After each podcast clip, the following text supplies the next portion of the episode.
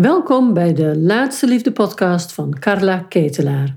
In iedere aflevering geef ik je mijn inzichten en adviezen over waarom het tot nu toe niet gelukt is en wat er nog nodig is, zodat jij ook jouw eindman of eindvrouw in je armen kunt sluiten voor die relatie die je zo graag wilt.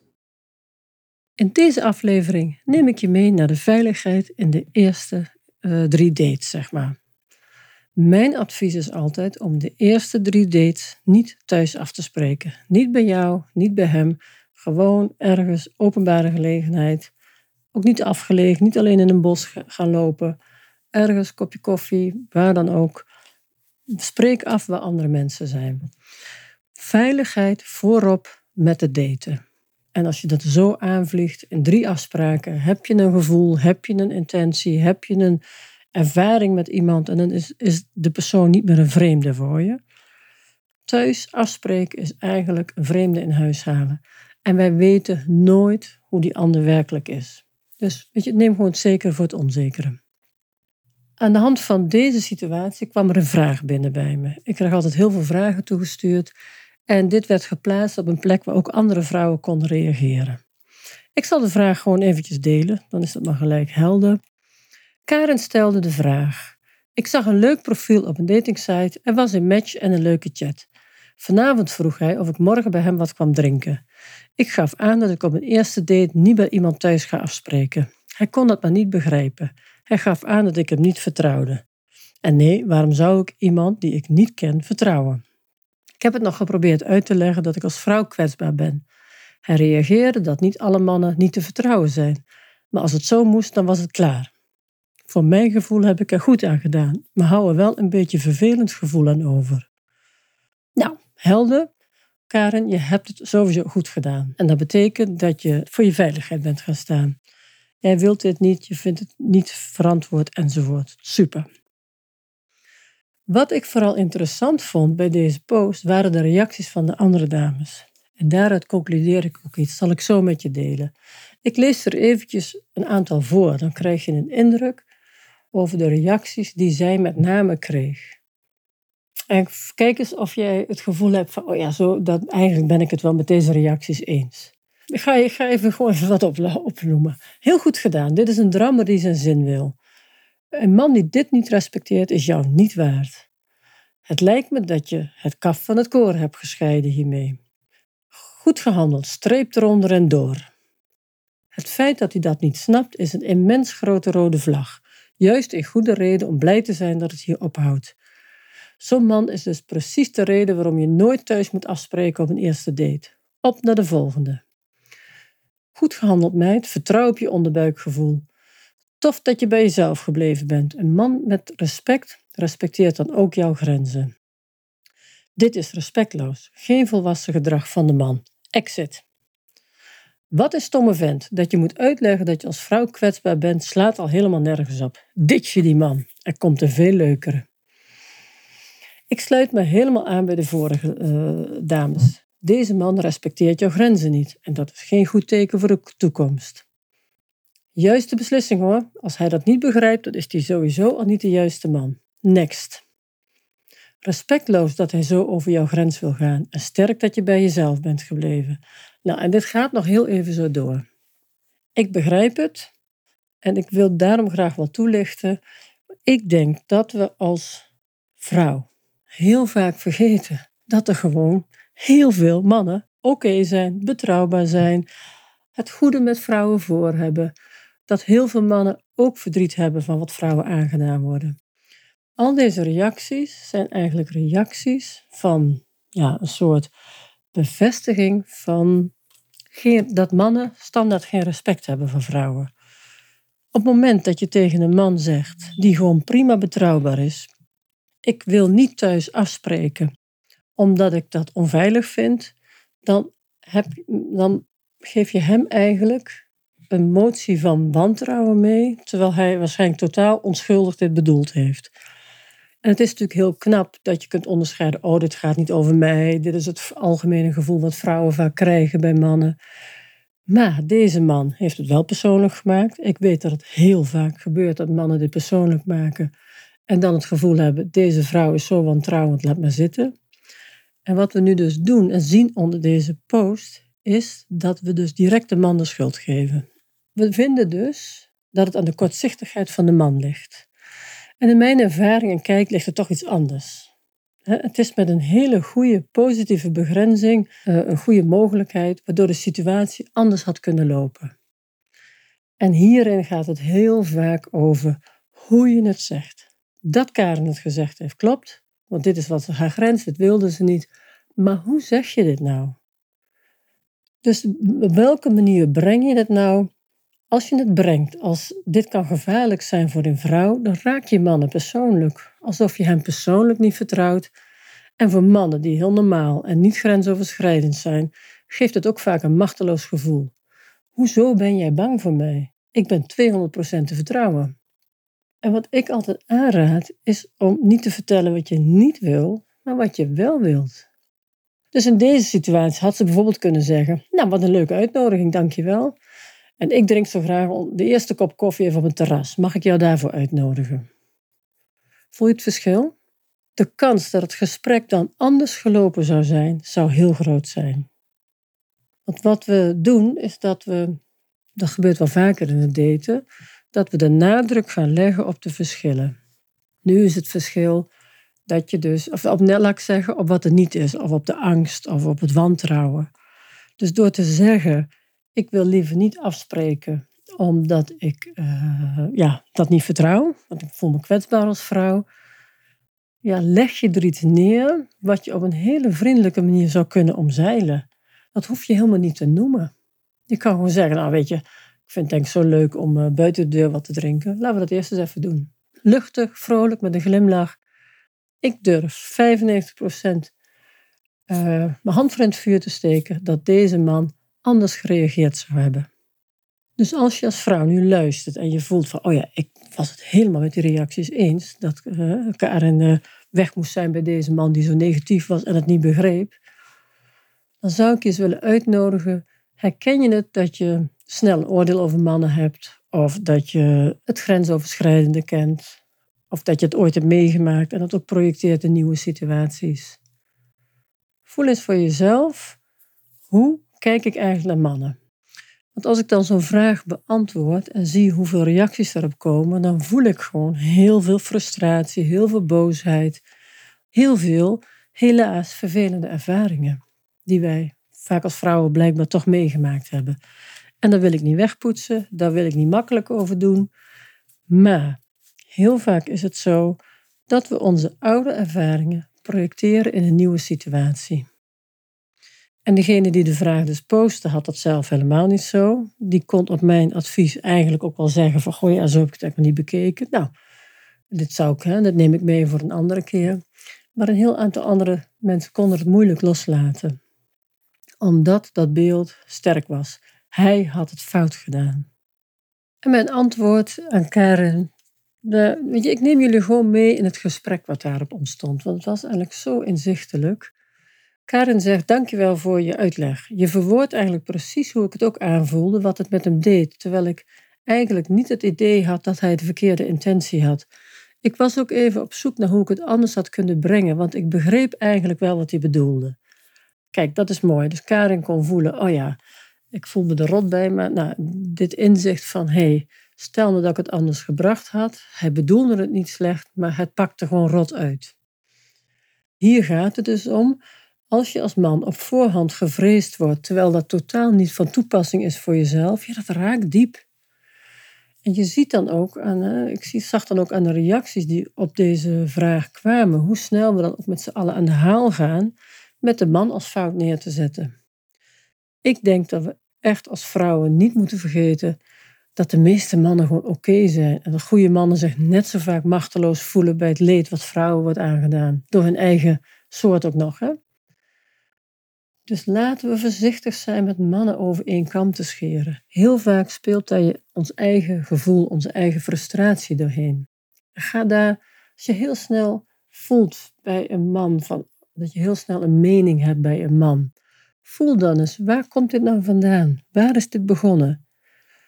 Want snel Een trigger hebben bij iemand zegt meestal niks over die persoon. Het zegt alleen maar dat die persoon iets raakt in jou wat je kent uit een eerdere situatie. Nou, dan neem ik je nog even mee met de reacties daarop. Iemand zegt: Ik ben het met je eens, hoe je het verschil maakt, dat het zeker verschil maakt hoe je de boodschap brengt. Maar is het niet zo in de datewereld dat een eerste date buiten de deur een soort van ongeschreven regel is, een soort code? Nee hoor, dat is geen ongeschreven regel. Dat is wat, wat veel mensen doen. En zij zegt ook dat je als vrouw dat niet uit zou moeten hoeven leggen. Maar als je als man goede bedoelingen hebt, dan heb je dit misschien niet eens. Je, je hebt het omdat je zo oké bent, omdat dat gewoon voor jou vanzelfsprekend is, bedenk je dat niet eens.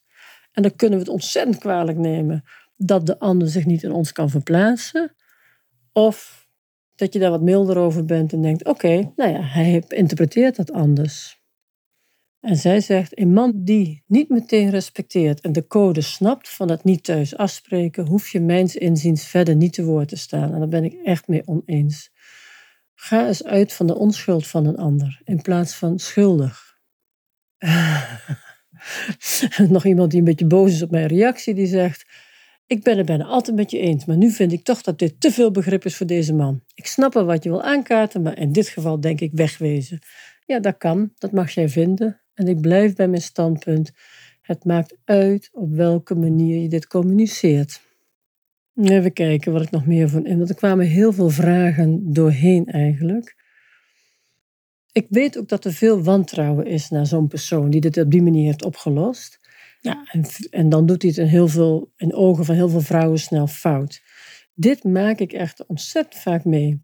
En ik weet zeker dat het gesprek anders was gelopen als we een andere toon hadden gehad.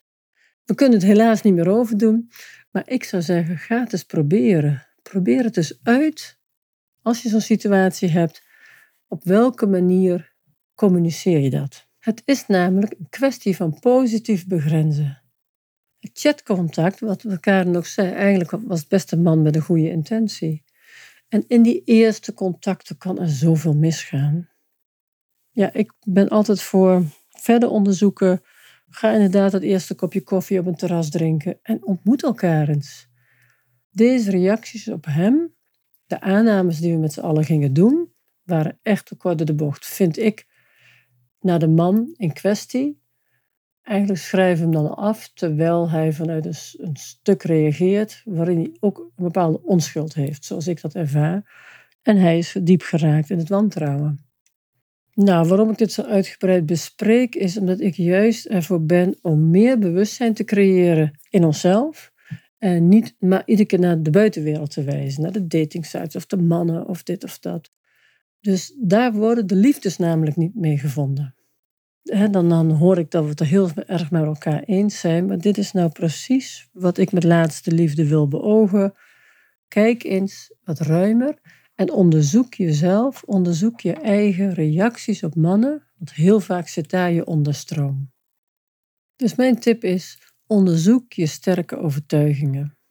Neem dat mee, doe er je voordeel mee. Welke sterke overtuigingen heb ik over mannen? De vraag die Karin stelde gaat over vriendelijk begrenzen.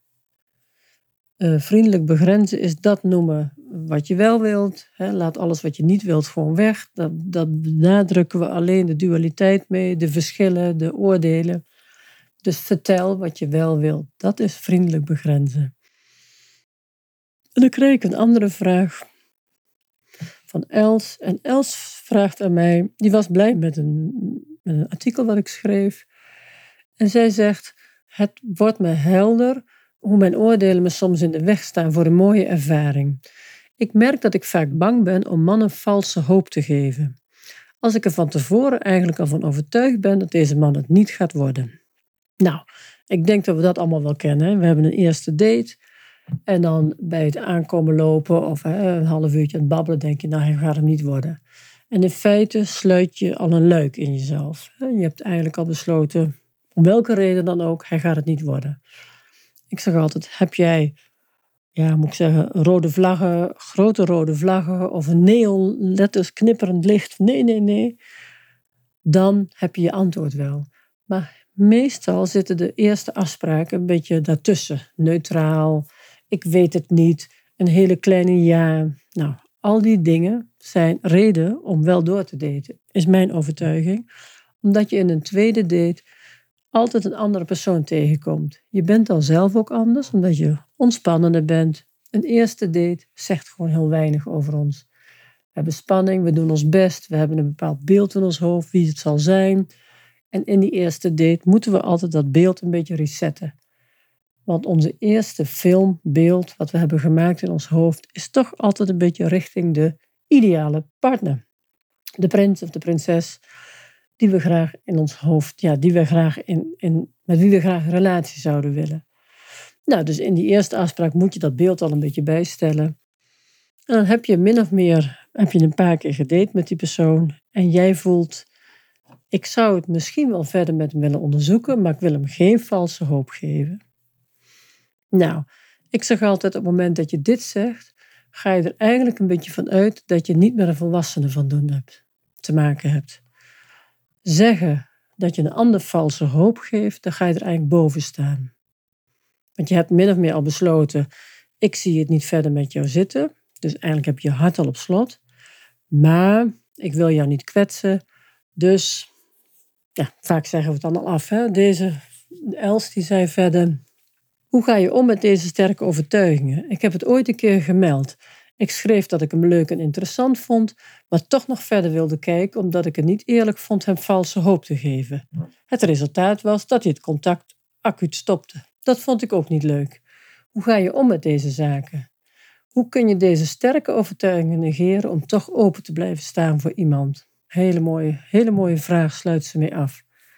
Hoe je die sterke overtuigingen kunt negeren, is om te beseffen dat het idee dat jij een ander kunt teleurstellen een beetje een arrogante houding is.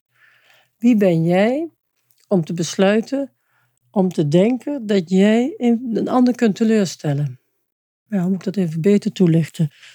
Je gaat er eigenlijk van uit, je vergeet eigenlijk dat iedereen een volwassen persoonlijkheid is. Iemand die aan het daten is op een datingsite weet donders goed dat hij een risico loopt. Die weet donders goed dat hij afgewezen kan worden part of the deal. Jij staat ook op een datingsite. Je weet dat je afgewezen kunt worden. Maar daarvoor hoeft een ander jou niet te betuttelen. Daten op een site, je weet het gewoon. Je kunt een leuke afspraak hebben, je kunt minder leuke afspraken hebben. Je kunt een paar maanden oplopen met iemand en toch nog te horen krijgen: Ik zie te weinig overeenkomsten, ik stop ermee. Dat hoort erbij. Maar op het moment dat je gaat zeggen: Ik ben bang om de ander teleur te stellen, maak je eigenlijk een ingewikkelde move met jezelf. Want je sluit je hart af en je gaat er eigenlijk vanuit dat de ander niet goed genoeg voor zichzelf kan beslissen of hij dit aandurft of niet.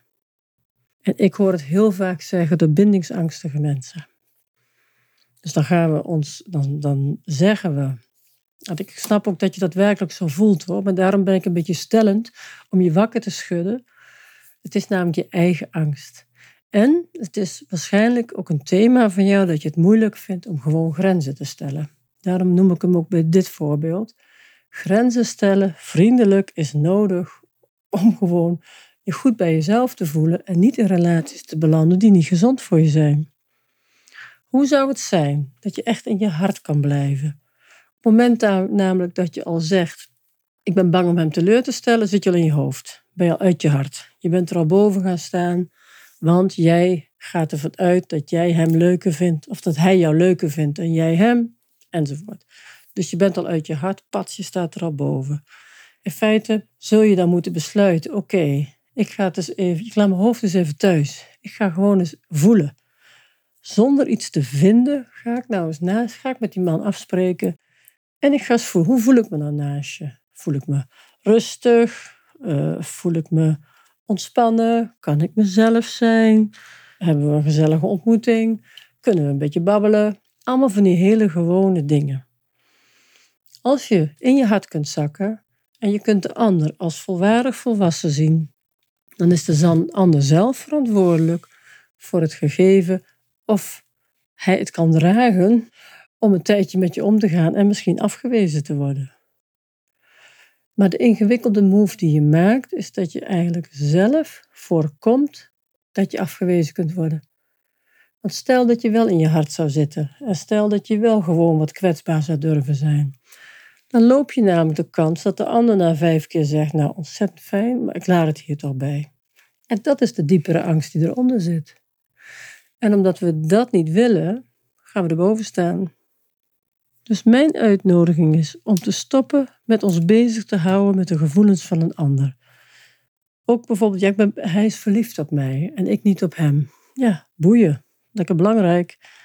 Verliefd zijn is niet de verantwoordelijkheid van jou. Als de ander verliefd op je is, dat mag hij weten. Dat is zijn gevoel. Ben je niet verantwoordelijk voor. Daar heb jij niks voor gedaan of daar heb je niks voor kunnen laten.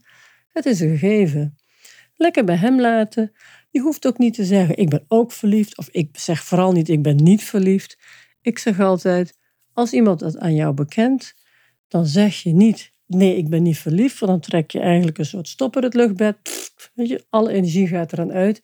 En heel vaak stopt een contact dan, omdat die man denkt van ja, we zitten zo niet op één lijn. Maar als je durft te zeggen wat je wel voelt, dat je bijvoorbeeld zegt, dat hij zegt van ja, ik vind je me geweldig, hartstikke verliefd op je. Nou, ontvang het gewoon. Zeg nou, ontzettend leuk om te horen. Ik vind het ook heel gezellig met je. Voel je het verschil? En dan loopt de contact door. Maar als je zegt van nou, goh, ja, maar ik voel dat nog helemaal niet voor jou ja, dan stopt een contact. Terwijl hij drukt zich gewoon anders uit. En dat wil niet zeggen dat hij al met je wil trouwen of wat dan ook. Hij drukt zich, dat is zijn manier van uitdrukken. En jij bent wat meer terughoudend. Je denkt van nou, dan moet ik eerst allemaal beter voelen voordat ik dat kan zeggen. Nou, dat mag, dat is jouw keuze. Maar het hoeft niet op dezelfde manier. Maar als jij genoeg de grenzen kunt stellen, want zo stel je eigenlijk op een hele speelse manier een grens. Wat ontzettend leuk dat je dat al zegt. Nou, dank je wel voor je vertrouwen. Ik vind het heel gezellig om met je te kletsen, te praten en te wandelen. Dus je noemt iets wat je wel voelt. En we hoeven niet. We zijn altijd bang dat we hetzelfde moeten zeggen of hetzelfde moeten voelen. Maar doe dat vooral niet. Blijf bij jezelf. Vertel wat je wel voelt. Dus om de vraag te beantwoorden: hoe kun je sterke overtuigingen negeren om toch open te blijven staan voor iemand? Open blijven staan voor iemand is, is in je hart zijn. En overtuigingen komen uit je hoofd. En met ons hoofd kunnen we niet daten. Ja, we kunnen daten, maar daarmee vinden we van alles. En, weet je, en het lijstje van wat we vinden van mannen is eindeloos. Daar kunnen we met z'n allen een duizend dingen doekje van maken, een duizend dingen lijstje. Want die lijst is eindeloos. Maar als we in ons hart zitten, dan kunnen we voelen dan kunnen we voelen hoe, waar de ander zit. En dat is je beste graadmeter. Daten met het hoofd is daten vanuit oordelen. En daar worden geen goede ja, contacten mee gestart. Nou, vind je het interessant? Wil je meer weten? Kijk op mijn website. Je kan me vragen stellen via support.laatsteliefde.nl. Ik beantwoord ze graag in volgende podcast. En uh, ik wens jou heel erg veel geluk in de liefde. Geef je grenzen vriendelijk en onderzoek je overtuigingen.